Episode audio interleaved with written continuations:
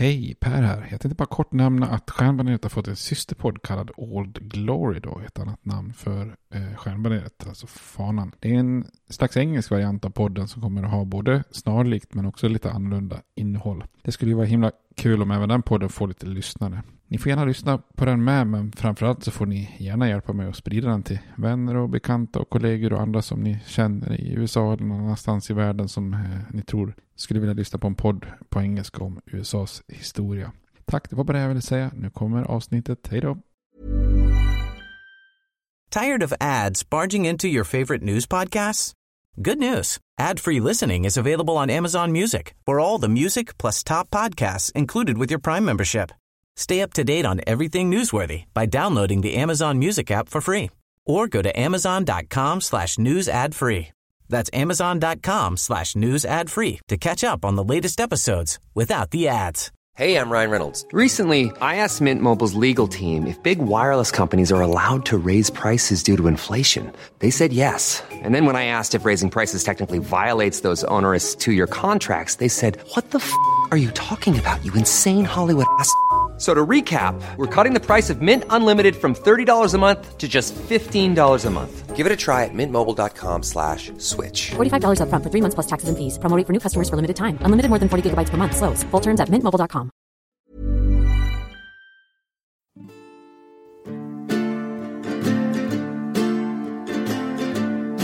We hold these truths to be self-evident, that all men are created equal, that they are endowed by their Creator with certain unalienable rights, that among these are life, liberty, and the pursuit of happiness.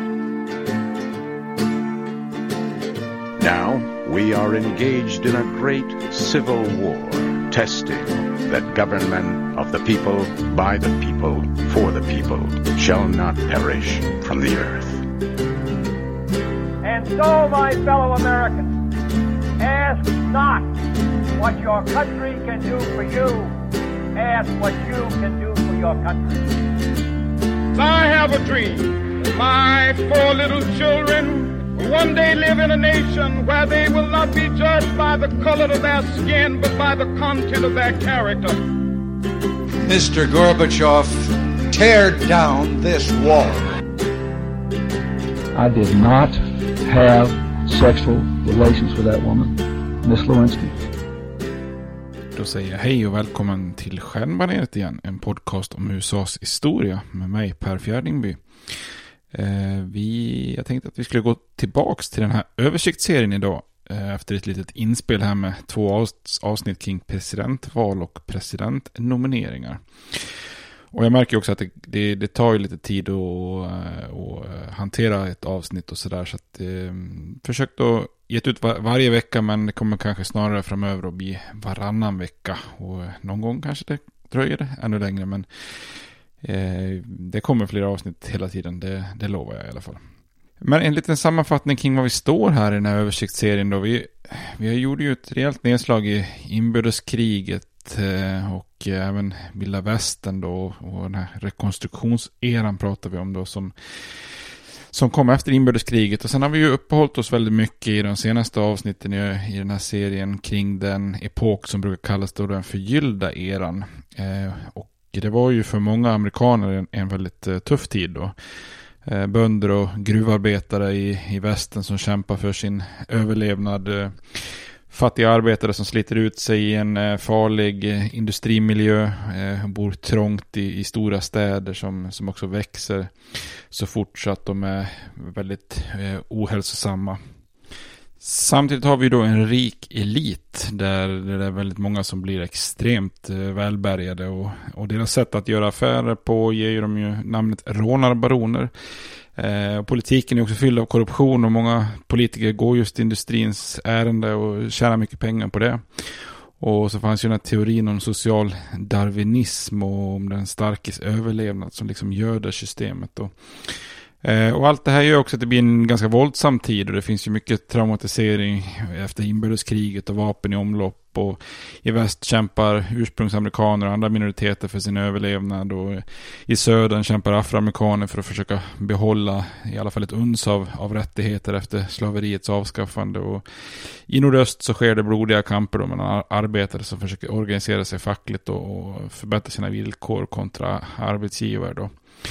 Och vi pratar också om att det här är en tid av en enorm immigration då med, med etniska och religiösa grupper som kanske allt mer avviker från den tidigare amerikanska normen av vit protestantism med engelska rötter.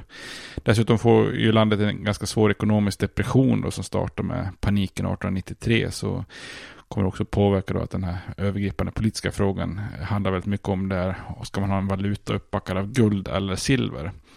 Eh, vi såg ju också att USA la om sin utrikespolitik som eh, då blir mer och mer aktiv bland stormakterna och, och man ger sig in i, i ett antal konflikter som spanska-amerikanska kriget och annekterar öar i, i en, liksom en imperialistisk anda. Då.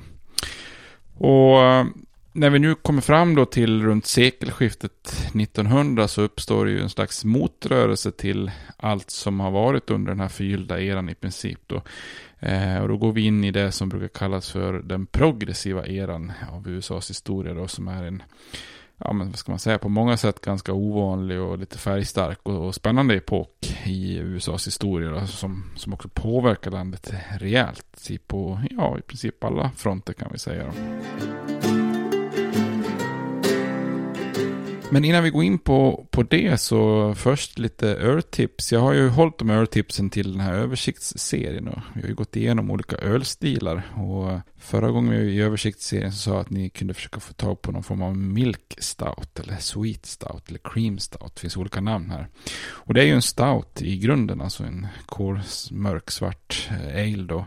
Eh, men den görs betydligt sötare i smaken då. Det kan ju komma dels från karamellmalt men framförallt kanske också att man tillsätter laktos. Eh, och laktos det är ju en sockerform som, eh, som öljäst inte kan angripa så att säga eller använda för att omvandla till alkohol och, och andra restprodukter. Så att öljästen kan liksom inte tugga i sig laktosen så den blir kvar i ölet och då bidrar det ju då med en extra sötma. Och det här är också en sån här historisk ölstil som, som har en historisk förklaring då. I, I England så börjar man ofta blanda i mjölk i stout för att göra den lite extra hälsosam och näringsrik. Och det här låter kanske knäppt med en öl som, som är bra för hälsan, men man kan ju komma ihåg att även porter till exempel skrivs ut på recept i Sverige till ammande mödrar så sent som på början av 1900-talet. Så att, så att eh, länge tänkte man att öl var en väldigt hälsosam sak. Då. Och det blev ju en grej bland arbetare i England att man mitt på dagen så tog man en stout med mjölk i för att stärka sig inför resterande delen av arbetsdagen.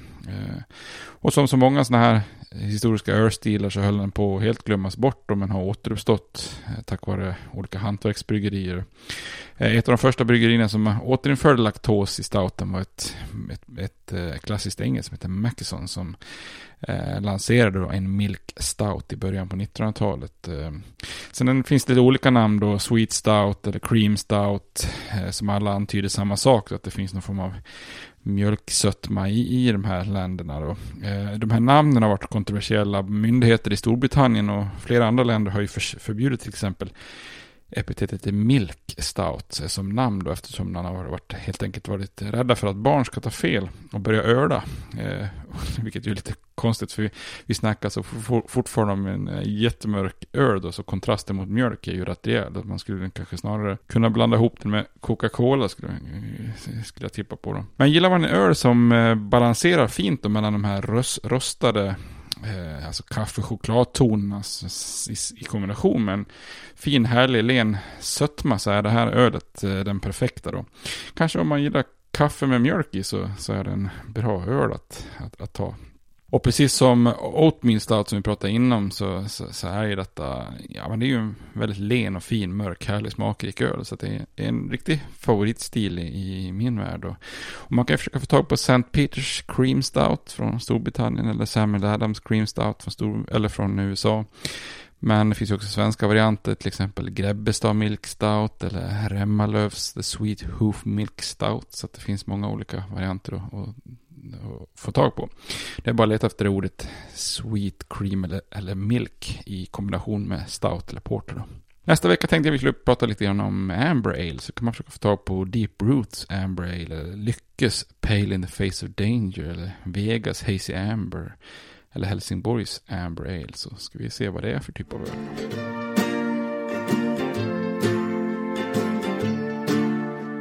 Men då går vi in tillbaka till historien och börjar prata om den här progressiva eran och progressiva rörelsen. Eh, och det här brukar man ju kanske då eh, förknippa med, med åren mellan den här depressionen 1893 Eh, fram till slutet på första världskriget. Eh, alltså i runda slängar 1890 till 1920 då. Så att eh, jag, jag, kanske, eh, alltså vi får ju leta efter rötterna till det här i slutet på 1800-talet. Så, men eh, jag sa ju att vi var inne på 1900-talet nu, men, eh, och det kommer vi främst att vara, men vi får hitta lite rötter därifrån slutet av 1800-talet och in på väg in mot 1900-talet. För, för många amerikaner hade det på just 1890-talet blivit väldigt uppenbart att eh, faktorer som den oreglerade industrin, eh, oplanerad urbanisering och den här aldrig sinande immigrationen skapar olika typer av samhällsproblem. Och då blir den här ekonomiska krisen 1893 lite droppen då. Eh, och om inte fullständigt kaos ska följa så, så anser många då att nu måste nationen ta tag i det här med social instabilitet och ekonomiska orättvisor och politisk korruption. Eh, och den rörelse som vill skapa lite här då ordning och rättvisa i samhället kallas just då för den progressiva rörelsen. Eh, man vill helt enkelt säkra det amerikanska samhällets framsteg och utveckling, alltså dess progress. Där känner man ju igen om man jobbar som projektledare eller något så här progressrapport. Alltså vad gör vi för framsteg i ett uppdrag eller projekt eller sådär. Eh, och det är ju delvis en term som används än idag i USA för någon som liksom aktivt vill skapa förändring. Eh, då brukar man ju ganska snabbt få den här etiketten att man är en progressiv eh, person då. Kan man vara en progressiv republikan eller en pro progressiv demokrat och en sån där. Och den här progressiva rörelsen här som uppstår runt sekelskiftet, den spretar ganska rejält och den är långt ifrån enad och, och skedde på väldigt många olika nivåer. Och motiven och, och metoderna var väldigt varierade. Och, eh, och de progressiva själva har ju inte så lätt för det här med att enas om vad det betydde att vara en progressiv person. Eh, men gemensamt för, för alla var ändå en slags grundtro om att samhället kunde förbättras genom individuella eller gemensamma initiativ. Då. Och i, i det fallet så blir det då en, en ganska tydlig reaktion mot den här förgyllda erans eh, sociala darwinism och som, som människosyn och, och det här oreglerade kapitalistiska systemet som har den här låt gå-filosofin, eller laissez-faire som det så fint heter på ekonomiskt språk. Men det är också en, eh, en kritik mot, eh, om man tittar på Thomas Jeffersons gamla liksom, ideal av en minimalistisk statsapparat. Eftersom många uppfattar då att dåtidens stat eh, är alldeles för otillräcklig i storlek och initiativförmåga för att kunna lösa den här nya maskinålderns problem då. Så folk, vi eh, tycker att politik och, och staten, det, det, måste vi använda aktivt för att börja kontrollera och, och, ordna upp samhällsproblemen.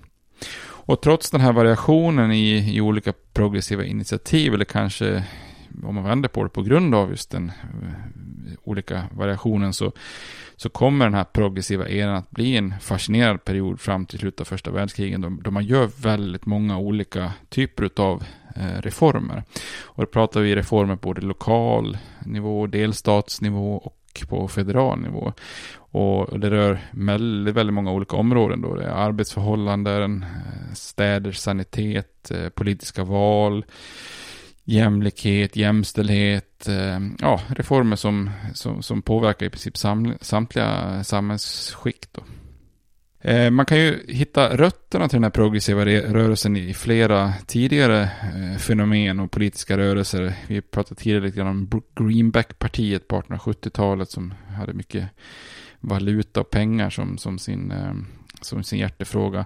Vi pratade om det här populistiska People's Party som, som uppstod i början på 1890-talet. Och en av den här populistiska agendan då från 1892 innehöll ju väldigt många reformförslag som, som sen då, eh, som, som de inte uppnår, men som kommer att uppnås då under den progressiva eran. Eh, men, så att, även om, men även om agendan så att säga är snarlik så var initiativkraften väldigt annorlunda nu i den progressiva eran. Därför att tidigare protester hade ju mångt och mycket som vi pratade om tidigare kommit från jordbrukshåll. Medan reforminitiativet i den här progressiva eran skiftar lite då och kommer snarare från städer och snarare från medelklassen som börjar då attackera eh, städernas problem och politisk korruption bland de här politiska bossarna. Då. Eh, en grupp som inspirerade de här progressiva var ju de så kallade mugwumps, eh, som var då republikaner som på 1880-talet eh, tröttnat på korruption och svågerpolitik inom partiet och därför valde då att bli någon form av oberoende politiska kandidater eller att till och med att i värsta fall då, eller i värsta fall från republikanernas synsätt då gått över till att bli demokrat. Och deras kamp om ett så här ärligt politiskt styre eh, baserat mer på meriter blev ju då ett väldigt viktigt ideal bland de eh, progressiva. Just den här termen mugwump, det var faktiskt någon form av påhittat indianord som betydde ungefär självpåtagen chef och det levde kvar väldigt länge som titeln på någon som byter parti. Så ser ni, läser ni någonstans om att någon är en mugwump så är det då någon som har bytt parti då. Eh, och under den här progressiva eran så breddas ju själva betydelsen av det här med ett ärligt styre. Man börjar prata om ärlighet inom områden som polisväsende, gas, elektricitetsförsörjning, vatten och avlopp i städerna och i princip, ja, i princip alla andra aspekter av, av samhället. Då. Och för många amerikaner som förespråkar reformer var också den här progressiva rörelsen väldigt välkommen som en möjlig väg framåt utan att för den delen behöva bli socialist som, eh, som, som då ansågs vara lite mer extremt. Det kommer vi prata mer om senare, det här med socialism och varför inte det uppstod något eh, superstarkt socialistiskt parti i, i USA. Då. En grupp som var väldigt viktig för hela den här progressiva rörelsen var de så kallade muckrakers. Eh, det här är alltså en grupp av författare och journalister som genom kan man säga, undersökande journalistik eh, publicera verk som, som liksom skapar någon form av medvetenhet för den stora mass massan om, om vilka problem som den här kroniska fattigdomen i städerna och farliga arbetsförhållanden och barnarbete i fabriken och ohälsosamma branscher, branscher leder till. Då. Eh, och det är ju alltså journalister som, som grävde lite djupare i sina reportage. Eh, vissa ansåg att de kanske grävde lite för långt och var kanske lite för på att de snarare liksom försökte skapa någon form av skandalpress liksom genom att försöka överdriva så att säga problemen. Eh, och de får faktiskt sitt smeknamn av den kommande presidenten Theodore Roosevelt som menar att de var nyttiga för samhället bara de inte grävde för långt. Eh, och han jämförde det här med en karaktär i en roman som, som grävde dynga och att det gällde att veta när man skulle sluta gräva för att inte göra mer skada än nytta då. Och att rake muck, det var ju då att, eh, att gräva eller kratta dynga. Så muckraker kanske på, ja, på svenska skulle kunna bli i stil med dyngspridare om man ska ha en negativ klang då, men snarare grävande journalistik om man ska ha en positiv klang på, på ordet då. Och viktiga sådana här muckrakers var Henry Lloyd som eh, i sin bok Wealth Against Commonwealth kritiskt undersökte Rockefellers Standard Oil och, och andra monopol. Eh, ett annat exempel är den danska immigranten, immigranten Jakob Ries som eh, skriver en bok som heter How the other half lives som då beskriver hur man levde i slumkvarteren i New York. Eh, och båda de här kommer ganska tidigt då på, på 1890-talet. Då. Men den gyllene eran för, för de här muckrakers journalistiken det är i början på 1900-talet.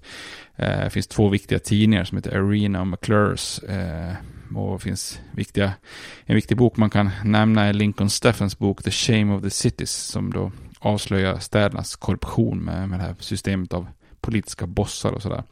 Eh, och utan de här muckrakers så hade kanske inte de här progressiva kunnat få så brett stöd som de fick för sina reformer. För om man inte har de här så kallade avslöjandena och faktamässiga beskrivningarna av problemen eh, så hade ju inte samtidens problem avslöjats på samma sätt eller hamnat i fokus på samma sätt.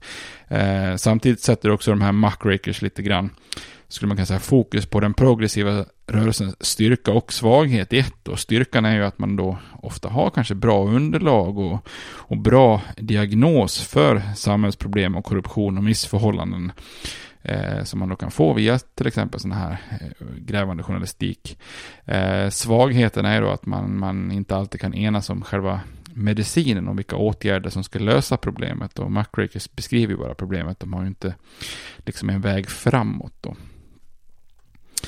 Eh, den grävande journalistiken då som, som de stod för symboliserar också en annan viktig faktor inom den här progressiva rörelsen och det är just det här tron på fakta och expertkompetens och yrkesprofessionalism då. Eh, tittar vi i slutet på 1800-talet så, så är det ju allt fler amerikaner som är sysselsatta, sysselsatta inom administration och andra professionella yrken då. Industrierna behöver ju inte bara arbetare utan de behöver ju också ledare och tekniker och ekonomer och städerna till exempel behöver ju inte bara invånare utan de behöver också en massa specialkompetens inom utbildning, service, juridik, medicin, handel med mer.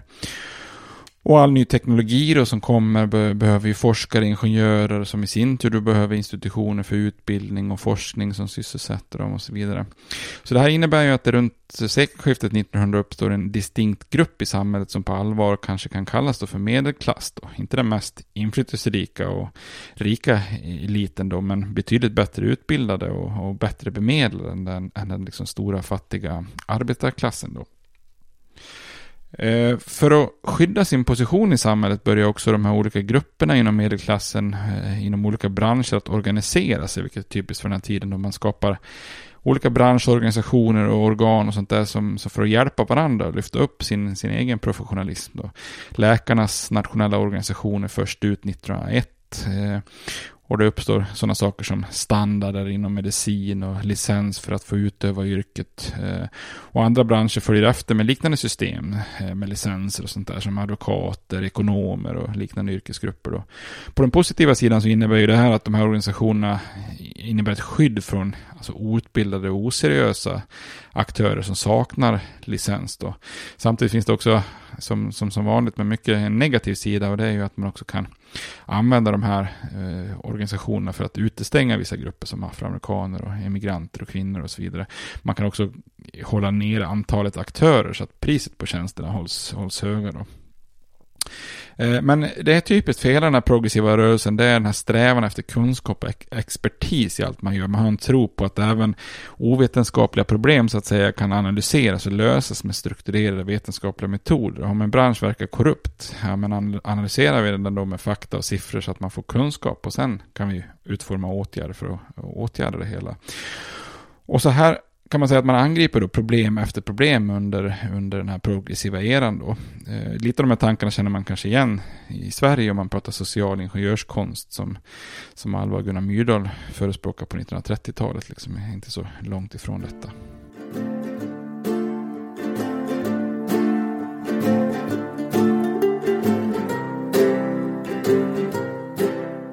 Eh, ett första tema för hela den här progressiva rörelsens reformagenda är en ökad demokratisering. Eh, man ansåg att den amerikanska demokratin inte mådde bra eh, och att svaret var eh, mer demokrati. Eh, bara det offentliga kunde bli en motvikt mot olika privata eh, intressen som, som hotade nationen.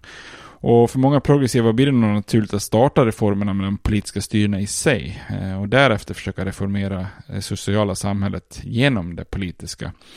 Eh, för att nå fram då måste, måste de flesta progressiva förslagen i slutändan ändå förverkligas politiskt genom olika nivåer då, politiskt styre. Då. Så de här progressiva sätter en väldigt stor tillit till ökad demokrati och, och delaktighet som en lösning på många samhällsproblem. Och den här liksom enorma tron på att detta ska lösa mycket är ju kanske med facit i hand nästan på gränsen till aningen naivt. Då.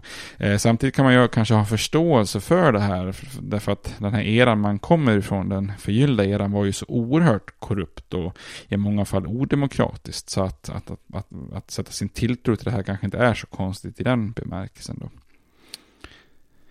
De politiska reformerna startar i städerna och städernas styrelse, eh, styre. Eh, som vi nämnde i tidigare avsnitt om, om städernas expansion så hade det formella styret i många städer, som ofta då regleras i någon form av privilegiebrev från delstatsförsamlingen, sånt där halkat liksom efter i takt med att städerna växer så otroligt fort i slutet på 1800-talet. Och då uppstår det liksom en ett maktvakuum då mellan vad städernas formella eh, minimalistiska styre Eh, med borgmästare klarar av och vad folket i, i städerna egentligen behöver. Och i det här maktvakuumet, det är ju där de här politiska bossarna, lokala, kommer in och tar över. Och genom då att bidra med massa tjänster och gåvor så kunde de här bossarna då bidra med en slags grundläggande trygghet och välfärd på många som, för många som saknar något socialt skyddsnät. Och vi pratade om det i något tidigare avsnitt, att man kunde ge mat till fattiga änkor, man kunde kanske se till att någons son kom ut ur fängelse och så vidare. Men i gengäld så, så, så är man ju då tvungen att rösta på bossarna. Eh, eh som, som då kräver lojalitet och, och samtidigt så passar ju också de här bossarna på att sko sig väldigt mycket eh, ekonomiskt då. Och man sätter liksom det här eh, korruption och valfusk i, i systematik då. Och de progressiva, de vill ju skapa ett socialt skyddsnät och en bättre livssituation för de fattiga i städerna, men utan all den här korruptionen och fusket och maktspelen. Då. Eh, man får, förespråkar ex exempelvis att man har upphandlingssystem så att inte kontrakt bara kan ges som politiska tjänster. Och, eh, och ökad kontroll så att arbeten och service i städerna faktiskt inte behövde kosta mer än det behövde. Då. Man kan ju ta till exempel säga, ja, någon boss kanske fixar en spårvagnslinje eh, eh, som, eh, som inte var konkurrenssatta och att då någon form av lillboss skötte linjen. Och så tar man någon, någon, någon cent av varje biljett hamnar i lillbossens ficka, någon i, i storbossens ficka så att säga. Så de progressiva vill ju till exempel konkurrenssätta för att få rimliga priser då. Eh, och skrifter av sådana här muckrakers avslöjar ju många av de här bossarna och successivt gjordes styret av städerna om under den här progressiva eran för att minska korruption och öka effektiviteten. Då. Så en efter en får de här korrupta bossarna se sig besegrade eller fällda i domstolar och, och den här inkompetensen rensas ut från städerna. Eh, det är inte alltid att det blir 100% förbättring för vissa grupper då, för om inte andra sociala skyddsnät skapas istället så kunde ju i värsta fall den nytta som bossarna ändå trots allt gjort på vissa plan vara en förlust. Men naturligtvis är det i det stora hela extremt, eh, en extremt bra utveckling att få bort de här korrupta bossarna. Då. Demokratiska reformer begränsas inte enbart till styret av städer utan även eh, massa viktiga åtgärder kommer för att stärka demokratin på delstatsnivå. Eh, de progressiva menar ju att politikerna i de lagstiftande församlingarna var dåligt betalda, illa ansedda, generellt inkompetenta, korrupta ledamöter som liksom totalt kontrollerades av partierna och, och delstatsbossar. Så man försökte kontra detta med reformer som kunde ta makt från partierna och deras bossar och öka makten hos väljarna. Och det här resulterade i en rad olika demokratiska åtgärder och en av de åtgärder som man kämpade hårdast för, de progressiva, det var ju det här med primärval. Man menar att de politiska partiernas nominering av kandidater inte skulle ske i någon form av rökfyllt rum av en inre cirkel av partitoppar utan att medlemmarna borde få rösta. Alltså demokrati i ett, i ett nötskal då. Och så som systemet funkade var det ju oftast bara så att en liten del av medlemmarna i ett parti träffades på någon form av lokalt partikonvent, caucus som det heter, röstade fram delegater till partikonvent i, i counties som i sin tur röstade delegater till delstatskonvent som i sin tur eh, röstade till de nationella partikonventen. Och i det här systemet så dominerar ju då professionella parti, partibossar och har ett enormt inflytande på vem som blir partiets kandidat.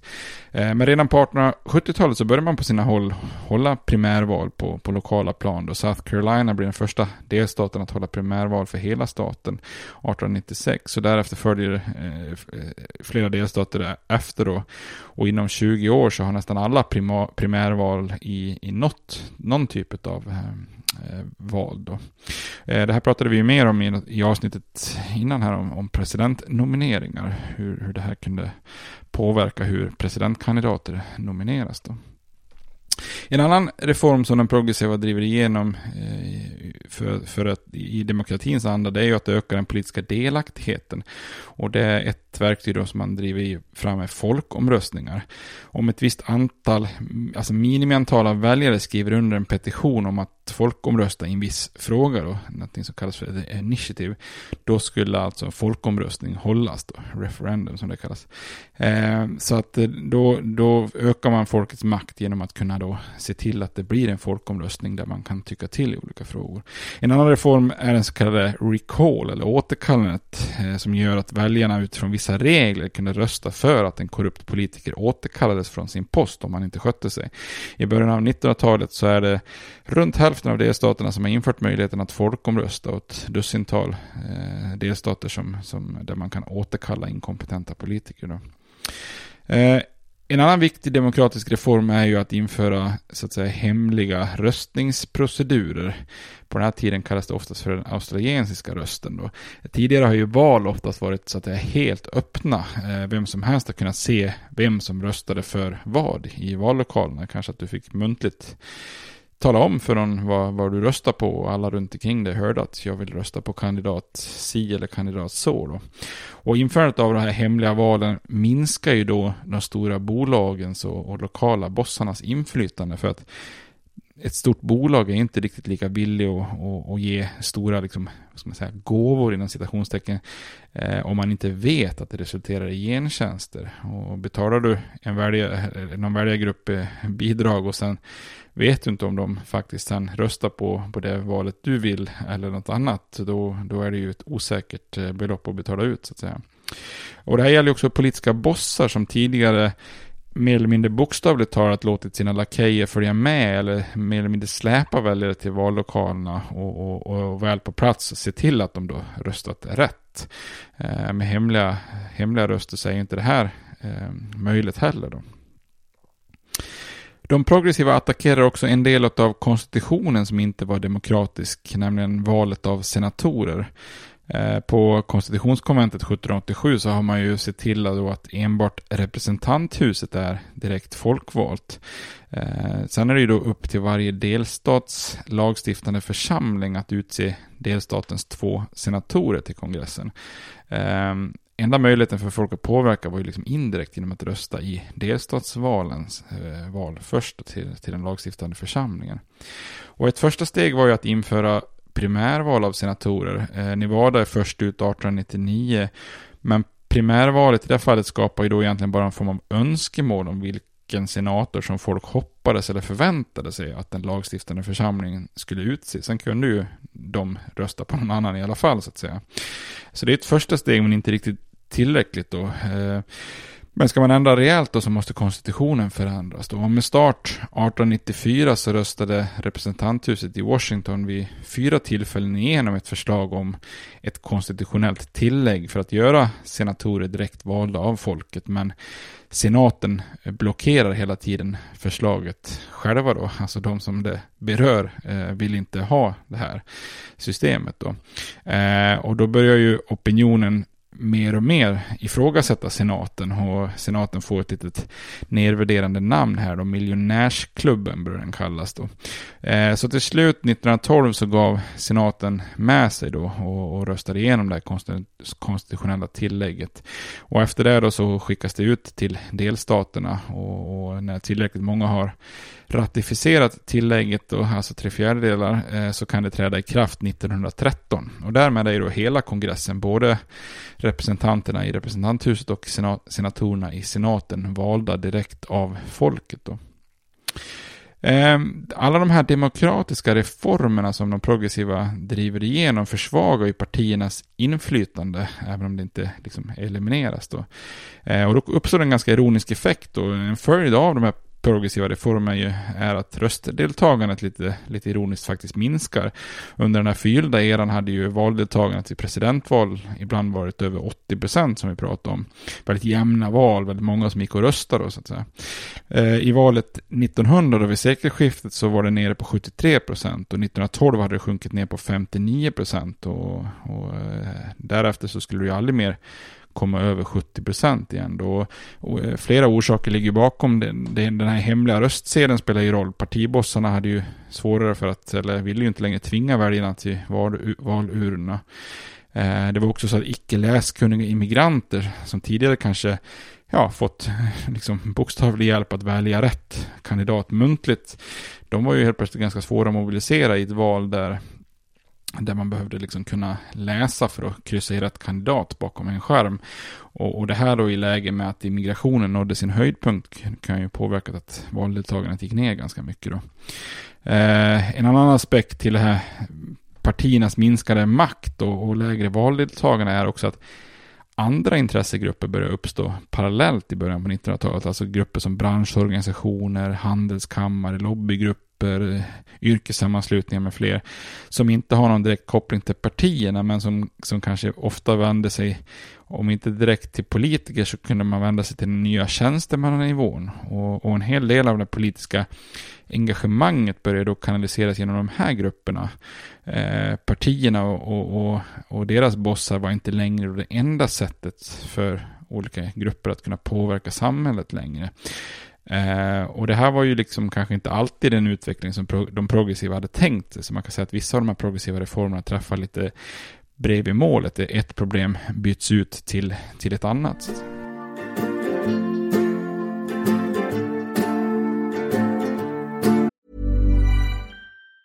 Tired of ads barging into your favorite news podcasts?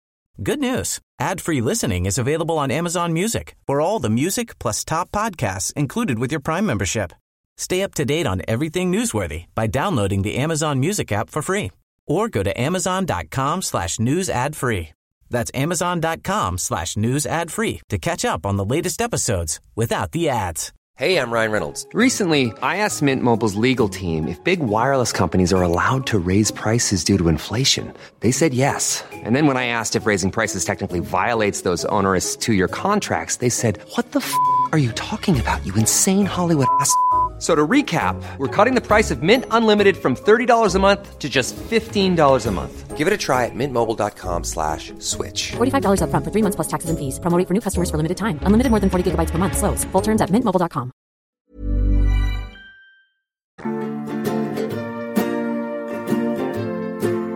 Ett annat tema för de progressiva reformerna är effektivitet. Eller snarare kanske effektivitet i styret. Eh, precis som stora företag den här tiden börjar styras mer effektivt då, bland annat enligt den här till exempel Fredrik Taylors eh, inflytande bok, det här The Principles of Scientific Management som kommer 1911, eh, som ju är en bok som lägger grunden för styret av företag och, och länge är liksom bibeln gällande organisationsteori inom det ekonomiska området. Skulle vilja säga ett arv som vi kanske fortfarande hindras av än idag om man jobbar med management och, och verksamhetsutveckling. Då. Eh, precis som man tänker sig där att företag ska styras på ett effektivt sätt så vill ju de progressiva även att styret av städer och counties och delstater och så vidare också ska vara effektivt. Och med start i städer så satte progressiva krafter igång för att försöka öka den här effektiviteten och ta bort slöserier och etablera tydliga hierarkier av, av ansvar och system för att utkräva ansvar. Då. I städerna innebär det att man skapar två väldigt viktiga organ och det första är ett system med kommissionärer eh, administrationen och, och det yttersta ansvaret för olika liksom, aspekter av städernas styre. Då. Eh, ja, alltså typ renhållning, eh, polis, eh, brandkår med mer läggs då i händerna på valda kommissionärer som tillsammans bildar någon form av statsstyrelse. Eh, och naturligtvis också en slags demokratiseringsaspekt som vi känner igen även idag i USA. Att man till exempel väljer polischef och det är ju för att man ska också ska kunna utkräva ansvar. Att om, är vi inte nöjda med har vi en polischef som inte är effektiv då, då väljer vi bort honom och, och hoppas på någon som är mer effektiv.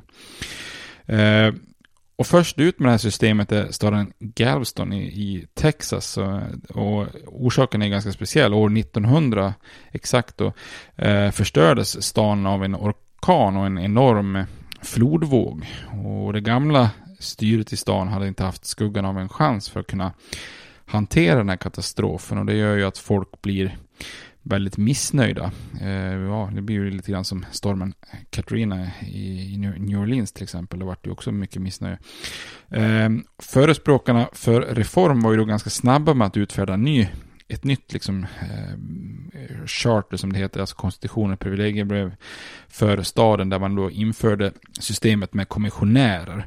Och det där är framgångsrikt så snart följer andra städer i Texas efter och 1907 så börjar Des Moines i Iowa att, att, att ha kommissionärer och sen till slut så sprider det sig till, till, till väldigt många städer. Då.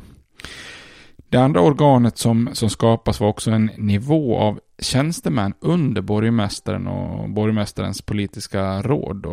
Eh, och de här stadsplanerarna och professionella administratörerna skulle ju liksom styra städerna i det dagliga arbetet utifrån de planer och policy som politikerna beslutade. Inte sällan var ju de här tjänstemännen före detta företagsledare eller ingenjörer. Och tanken var ju att de här tjänstemännen skulle vara liksom oberoende bortanför politikernas korrumperande inflytande. Och staden Stoughton i, Virginia är först ut med det här 1908, men redan 1914 så etablerades en nationell organisation för tjänstemän i städer, så det spridit sig ganska, ganska snabbt. Då. Och den person som kanske främst kan symbolisera den här strävan efter effektiva städer, det är Detroits borgmästare, republikanen Hazen Pingree, som styr staden på 1890-talet och han driver igenom en rad, form, eh, rad reformer av, liksom i progressiv anda. Då.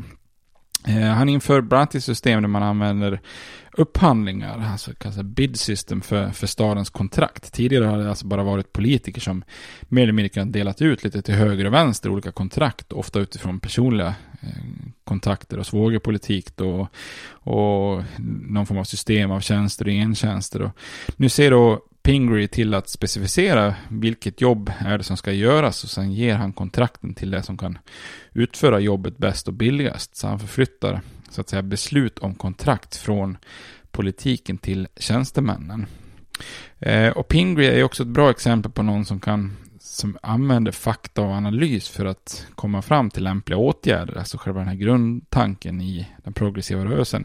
Eh, när han tycker att elektriciteten är för dyr i Detroit gör, så gör han en egen utredning och studerar elpriser i andra städer. Och då ser han att det, Detroit som stad betalar mer än någon annan stad. Och han försöker då förhandla med elleverantörerna men de vägrar att sänka priserna. Eh, då startar Pingree ett eget offentligt bolag som håller lägre priser och som sen då pressar ner priserna genom ökad konkurrens. Då. Eh, samma sak gäller för spårvagnstrafiken i Detroit där Pingree tycker att biljettpriserna är oskäligt höga. Då. Eh, så han börjar hålla inne kontrakt med bolagen som kör linjerna och försöker pressa priserna. Då. Det blir då en strid mellan borgmästaren då och de här bolagen. Och när det, när det drar ut på tiden så, bara för att visa folk att han har rätt, så skapar han en egen spårvagnssträcka och visar att den här går att köra till ett lägre pris. Och, och därmed så får de här bolagen kasta in handduken och, och sänka priset. Då. Ehm, och på många sätt är ju det här unikt. Det, kan, det kanske låter liksom självklart med dagens liksom mått mätt och hur saker och ting fungerar. Men man får inse att i USA, just vid den här tidpunkten, så är ju detta fullständigt unikt. unikt. Och som om vi tittar på hela den här tidigare historien och förgyllda eran så nu har vi helt plötsligt någon som, som säger sig stå på arbets, arbetarnas liksom och medborgarnas sida. Eh, tidigare har, har, har, alltid bolagen kunnat styrt. Så i stad efter stad så finns det liknande reformer där man skriver om städernas styre och kompletterar politikerna med tjänstemän. Sen använder man fakta och analys för att bryta upp monopol, minska slöserier och rensa bort korruption. Då. Och där kan man jämföra, när USA på 1830-talet var ett jordbrukssamhälle så då sa ju, var, var ju president Andrew Jackson som då ansågs vara folkets man, han var ju känd för att han menar att vilken normal intelligent person som helst skulle kunna utföra offentliga arbetsuppgifter. Det behöver inte bara vara en, någon form av elit som, som hade den typen av, av, jobb. Då. Och det kanske var rätt då, men komplex, komplexiteten i samhället i den industriella eran runt sekelskiftet hade gjort att vissa offentliga funktioner snarare liksom krävde specialister och experter som, som på något vis hjälpte de folkvalda.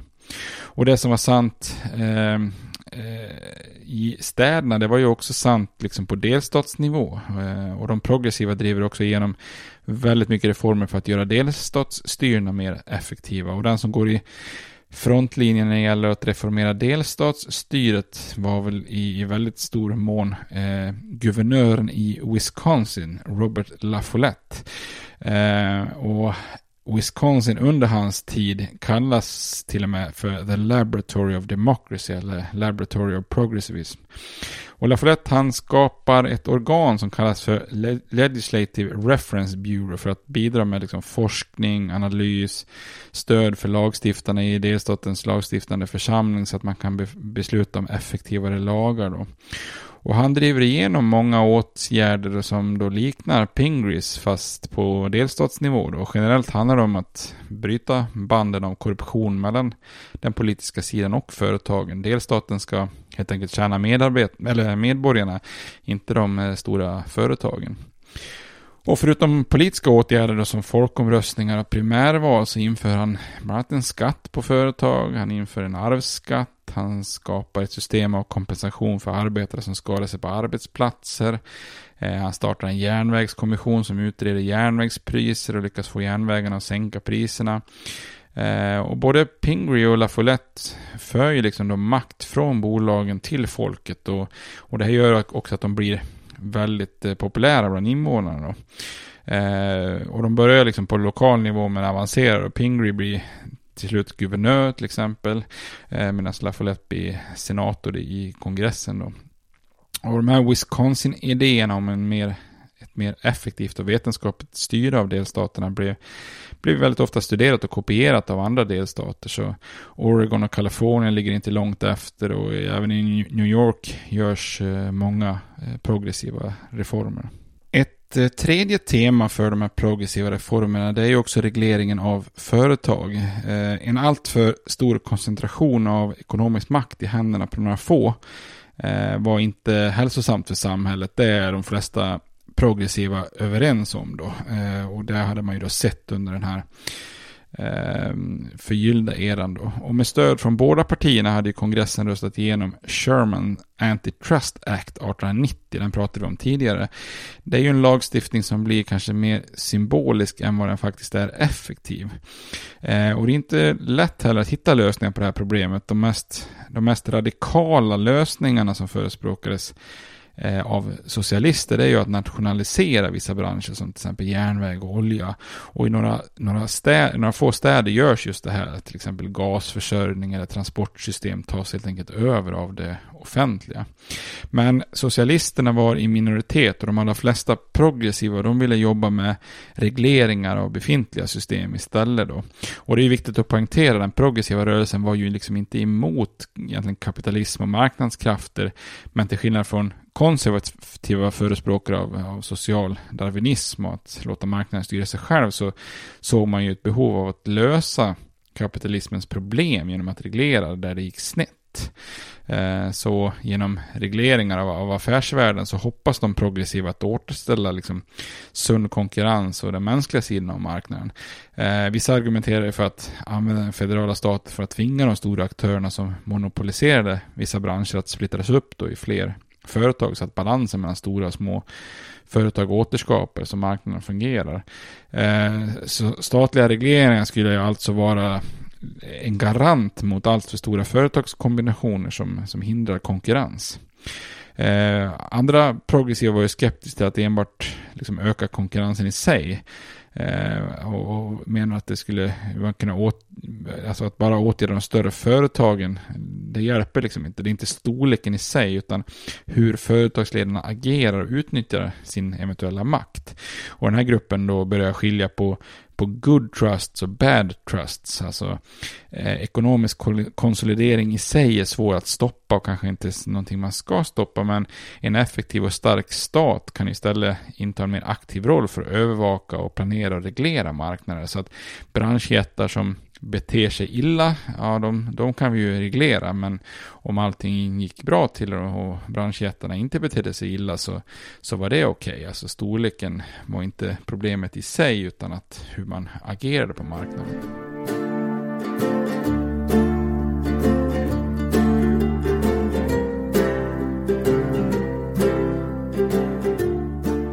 Inom eh, den progressiva rörelsen pratar man också väldigt mycket om social gospel och social rättvisa. Att göra reformer och framsteg som går bortanför den enskilda individen och göra eh, sociala reformer i stort. Eh, och ett område där de progressiva verkligen såg sociala problem är ju de här överbefolkade städerna och de slumområden där familjer tränger ihop sig tätt, tätt, tätt så att säga. En lösning som de progressiva hämtar från Storbritannien är så kallade settlement houses, alltså Eh, och det här är hus då, stora hus som, eh, där, där, man då har kvinnor som bor där från medelklassen, oftast unga och ogifta, men utbildade. Och, och de här får då blanda sig med de fattiga familjerna och ge dem stöd på olika sätt. Alltså till exempel hjälpa immigranter att lära sig engelska, Eh, lära ut hur man sköter hygien, enklare sjukvård, eh, arrangera barnpassning, kurser, kultur och mycket annat då. Eh, så man kan ju se, de här kvinnorna jobbar i princip som en slags eh, socialarbetare. En av de mest drivande i att etablera sådana här settlement houses var socialarbetaren Jane Adams. Och det mest kända projektet var det så kallade Hull House i Chicago som blev modell för mer än 400 sådana här hus. Då. Och i princip kan man säga att det är det här arbetet i, i den här typen av hus som, som lägger grunden till det som senare kommer att bli eh, liksom socialarbetare i USA. Eh, insatserna i sådana här settlement houses var ju då givetvis oerhört aktningsvärda i ett samhälle utan välfärd och skyddsnät och arbetsförmedlingar och utan kurser i engelska för invandrare och så vidare. Eh, det är ju verkligen en gräsrotsrörelse och, en slags praktisk vardaglig progressiv reform att, att verkligen handgripligen hjälpa familjer och kvinnor på det här viset. Samtidigt förstår ju många också att den här hjälpen nådde väldigt få sett till den totala massan av fattiga i städerna. Eh, någon har beskrivit det som att det var ungefär som att försöka tömma havet med en tesked så att säga. Även om varje tesked är hedersvärd nog så, så hjälper det inte liksom eh, eh hjälper inte i helheten.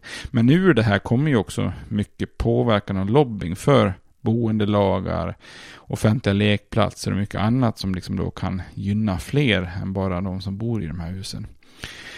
Eh, en annan viktig aspekt av den här sociala orättvisan det är ju arbetsförhållandena och här angrep ju de progressiva orättvisor och missförhållanden från på många olika områden. Då. Eh, ett av de områdena som man verkligen ville förbättra var ju det här fruktansvärda barnarbetet. Då. Eh, och i början av 1900-talet med hjälp av statistik och bilder så lyckas de progressiva i, i många delstater påverka lagstiftare att förbjuda barnarbete. Förbjuda det innebar ju ofta att man satte någon form av minimiålder som var, kunde vara mellan kanske 12 och 16 år. Men att man också då begränsade antalet timmar barn kunde arbeta. Så det var inte så att man förbjöd barnarbete rakt av så att säga. Men man försökte reglera det.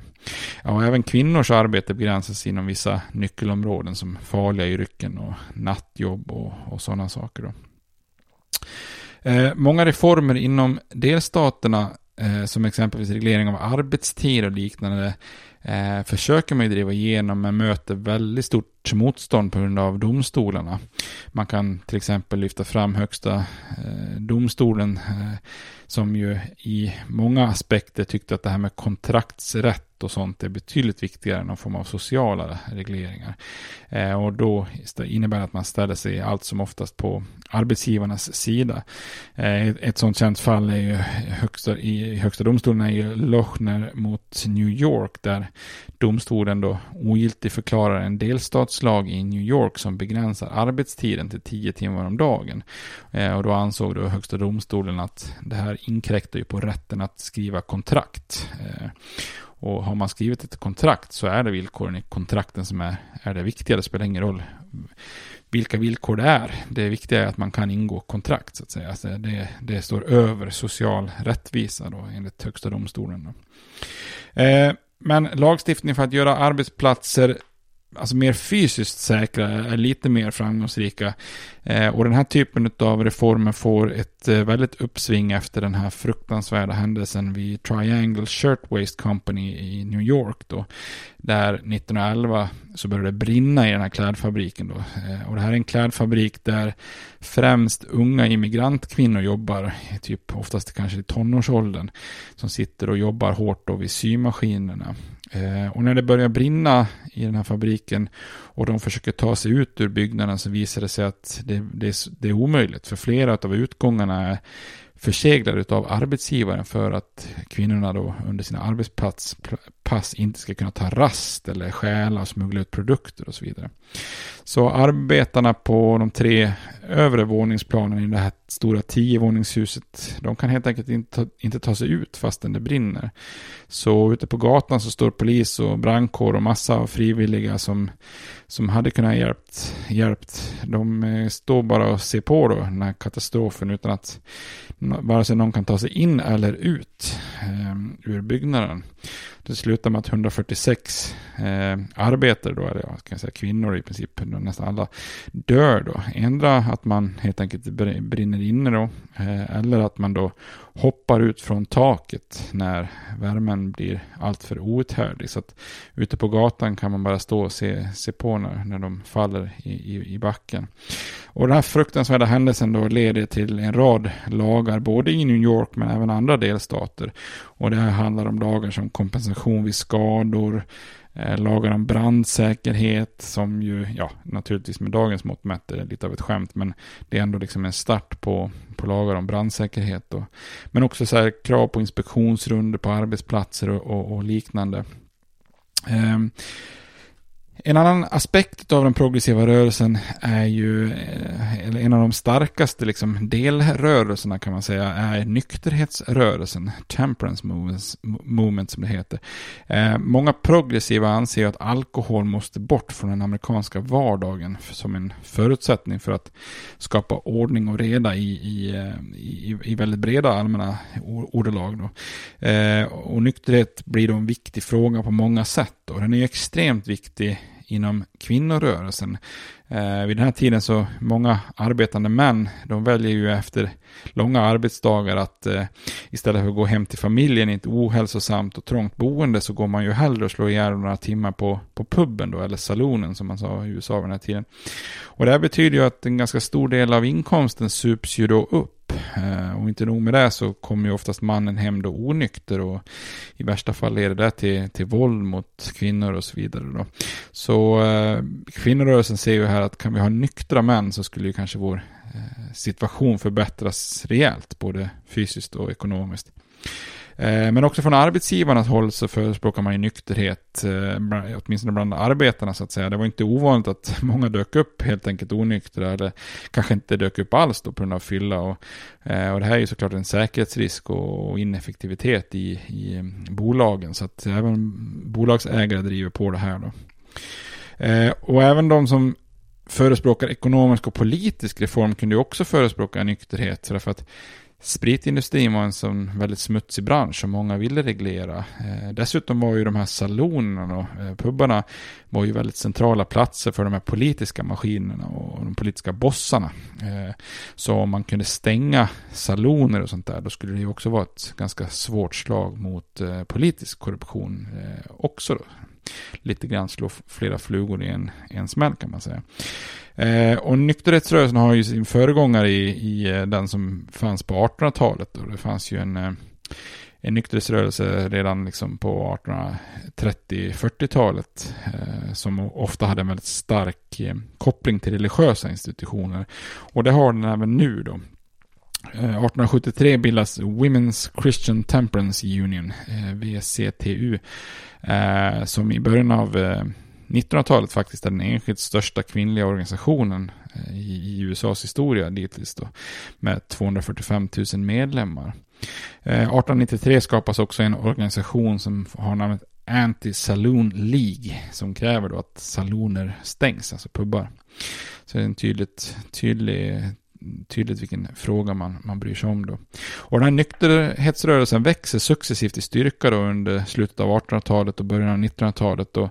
Krav på att helt förbjuda tillverkning och försäljning av alkohol hörs från allt fler håll. Eh, man vill helt enkelt ha ett alkoholfritt USA. Eh, och 1916 så hade eh, 19 delstater infört förbudslagar i linje med det här. Och det här leder ju som vi kommer att se senare till det här kända 18 tillägget i konstitutionen som trädde i kraft 1920. Då, som ju ger oss den här så kallade förbudstiden när alkohol är, är illegalt. Då.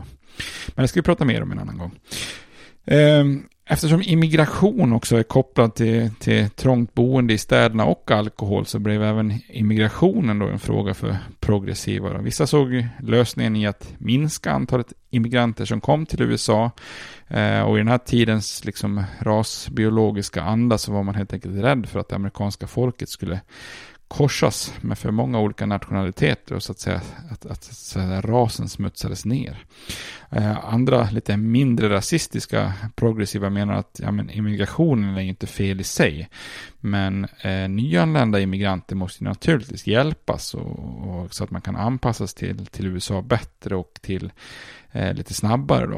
Eh, så det är lite grann som debatten med om större företag eh, också då. Att många anser att det inte är fel i sig men vi måste angripa själva grundproblematiken då.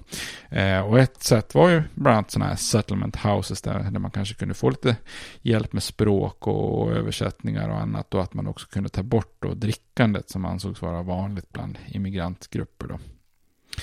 Eh, och en federal rapport från experter som då undersökt immigrationen rapporterar att de här så kallade nya immigranterna som vi pratar om i något avsnitt sen, alltså de som kom från Syd och eh, Östeuropa, eh, de verkar ju också mycket riktigt ha svårare att anpassa sig än de så att säga, gamla Eh, immigration, immigranterna som kom från norra Europa och västra Europa. Och det här la ju då grunden till det som vi kommer att komma till efter första världskriget när man inför olika kvoter, kvoter för immigranter beroende på vilket land man kommer ifrån och vilket land man då vill, vill att folk ska komma ifrån.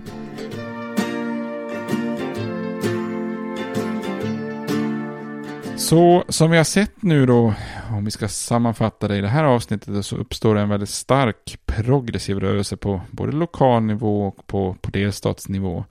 Eh, och många är enade om vilka problemen är, men man använder, eh, och man använder helt nytt angreppssätt med fakta och statistik för att försöka hitta problemens kärna.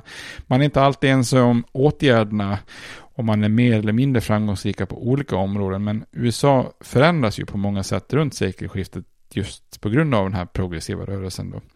Men det ska inte stanna där heller då. I början på 1900-talet med eh, Theodore Roosevelt i spetsen så kommer den här progressiva rörelsen även upp på den federala nivån, nationella nivån, upp till kongressen och rätt in i även då Vita huset. Eh, presidenter som Roosevelt och eh, William Howard Taft och Woodrow Wilson brukar ju då, brukar ju kallas just för de progressiva presidenterna. Och det här inleder ju en ny era där bland annat presidentposten förstärks ganska rejält.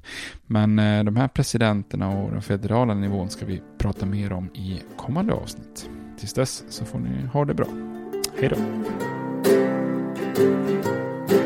States like these and their terrorist allies constitute an axis of evil. And if the hippies and the yippies and the disruptors of the systems that Washington and Lincoln as presidents brought forth in this country will shut up and work within our free system of government, I will lower my voice. If the impeachment provision in the Constitution of the United States will not reach the offenses charged here, then perhaps that 18th century Constitution should be abandoned to a 20th century paper shredder. Therefore, I shall resign the presidency effective at noon tomorrow.